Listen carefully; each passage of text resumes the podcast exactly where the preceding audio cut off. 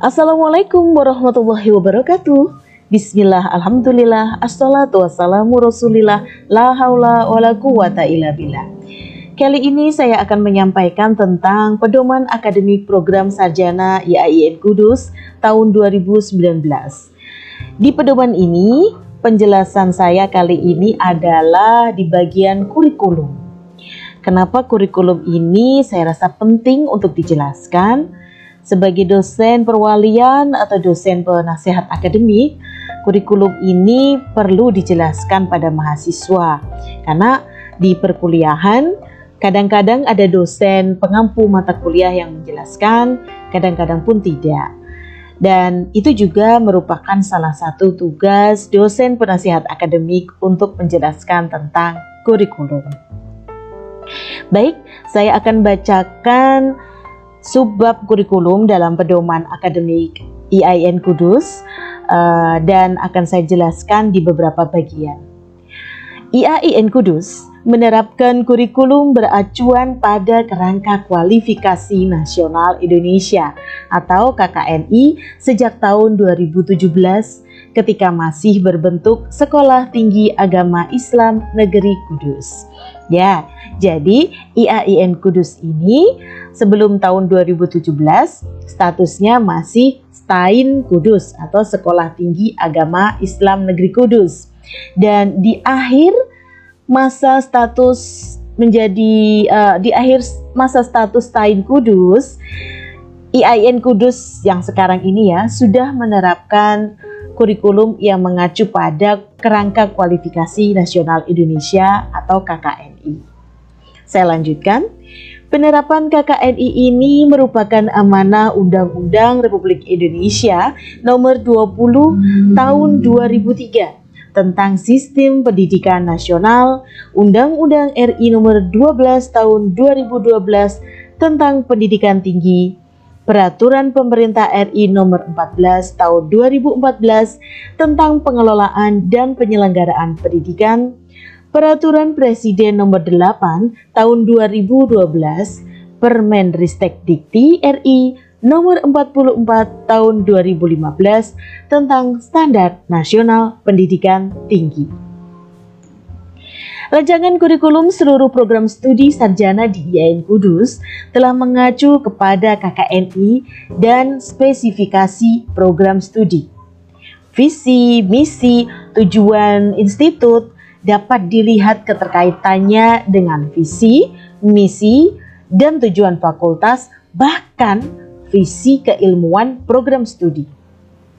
Dalam spesifikasi program ini, KKNI sudah terlihat di seluruh program Learning Outcome atau PLO dan capaian pembelajaran lulusan atau CPL masing-masing program studi yang dirumuskan berdasarkan profil lulusan program studi atau PL dan deskriptornya.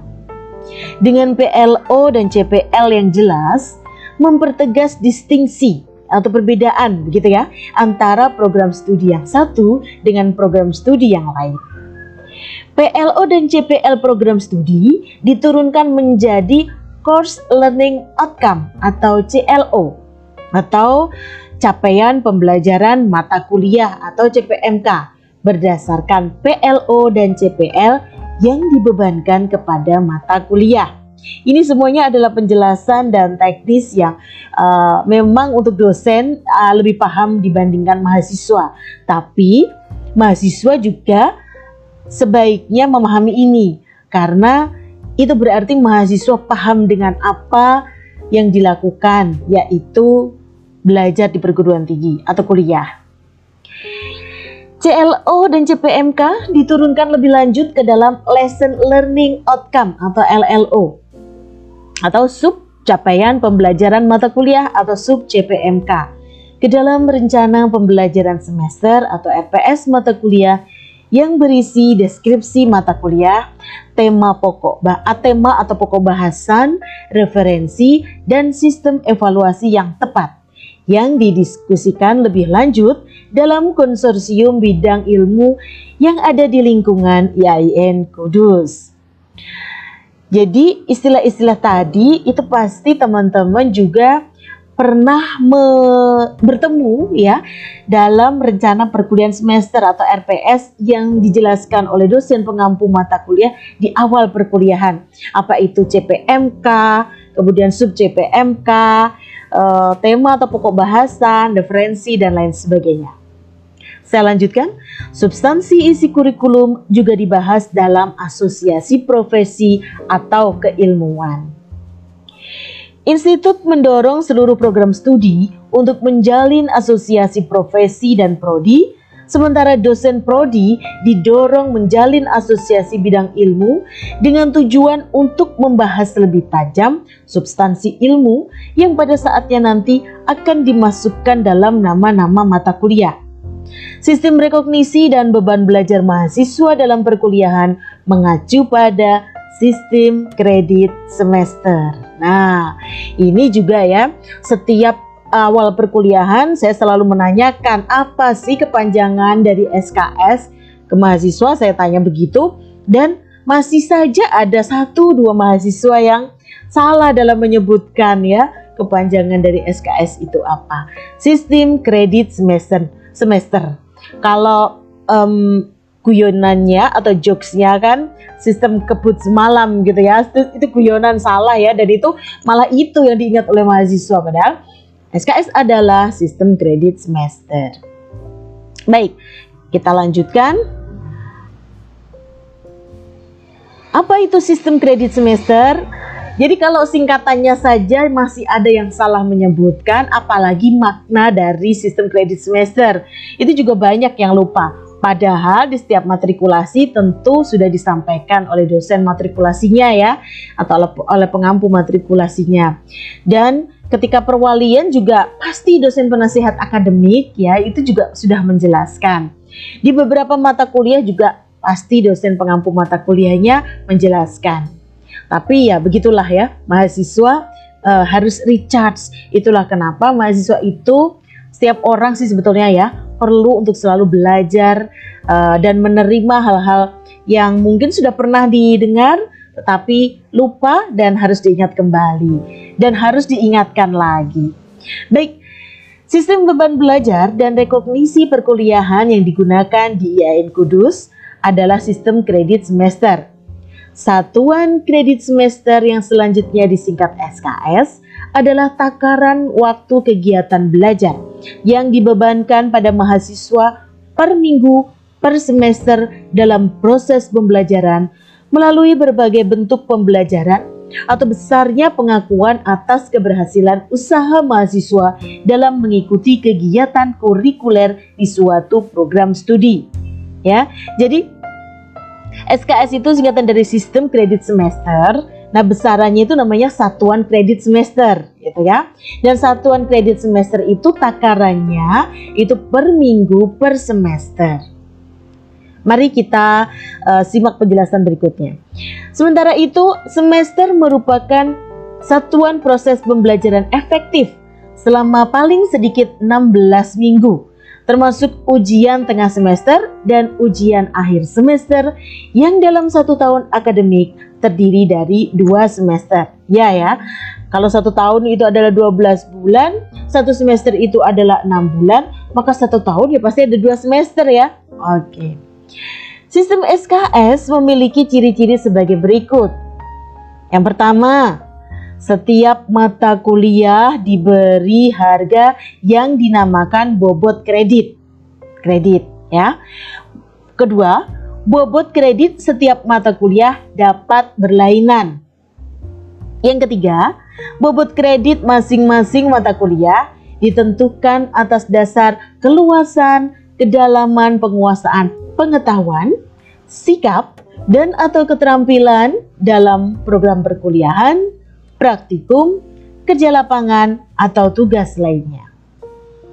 Satu SKS pada proses pembelajaran dalam bentuk kuliah, responsi, atau tutorial setara dengan 50 menit kegiatan tatap muka atau 60 menit kegiatan akademik terstruktur dan 60 menit kegiatan akademik mandiri per minggu per semester. Satu SKS pada proses pembelajaran berbentuk seminar dan sejenisnya setara dengan 100 menit tatap muka dan 70 menit kegiatan mandiri per minggu per semester. Satu SKS pada proses pembelajaran berupa praktikum, praktik studio, praktik bengkel, praktik lapangan, penelitian, pengabdian kepada masyarakat, dan atau proses pembelajaran lain yang sejenis 170 menit per minggu per semester. Jadi itu 170 menit per minggu per semester, bukan 170 minggu ya, atau 170 semester itu bukan bacanya begitu ya. Baik. Tujuan penggunaan sistem kredit semester adalah memberikan kesempatan kepada para mahasiswa yang cakap dan giat belajar agar dapat menyelesaikan studi tepat waktu. Kemudian tujuan berikutnya memberi kesempatan kepada mahasiswa agar dapat mengambil mata kuliah yang sesuai dengan minat, bakat, dan kemampuannya. Yang ketiga, agar sistem pendidikan dengan masukan atau input dan keluaran atau output yang bervariasi dapat dilaksanakan. Yang keempat, tujuan dari diberlakukannya SKS mempermudah penyesuaian kurikulum dari waktu ke waktu dengan perkembangan ilmu dan teknologi yang sangat pesat dewasa ini. Yang kelima, agar sistem evaluasi kemajuan belajar mahasiswa dapat diselenggarakan dengan sebaik-baiknya. Dan yang ketujuh, yang keenam ya, memungkinkan pengalihan atau transfer kredit antar jurusan, antar fakultas dalam suatu perguruan tinggi atau antar perguruan tinggi yang sejenis. Yang berikutnya adalah beban studi setiap semester. Beban studi mahasiswa setiap semester bergantung kepada indeks prestasi semester yang diraih oleh mahasiswa paling cepat dimulai dari semester 3 Pedoman umum beban studi mahasiswa setiap semester berdasarkan Permendikti Dikti nomor 44 tahun 2015 tentang SN Dikti adalah sebagai berikut. Ini. Jadi, bagi mahasiswa yang indeks prestasi kumulatifnya berkisar di antara 3 sampai 4 itu bisa menempuh SKS maksimal 24 SKS.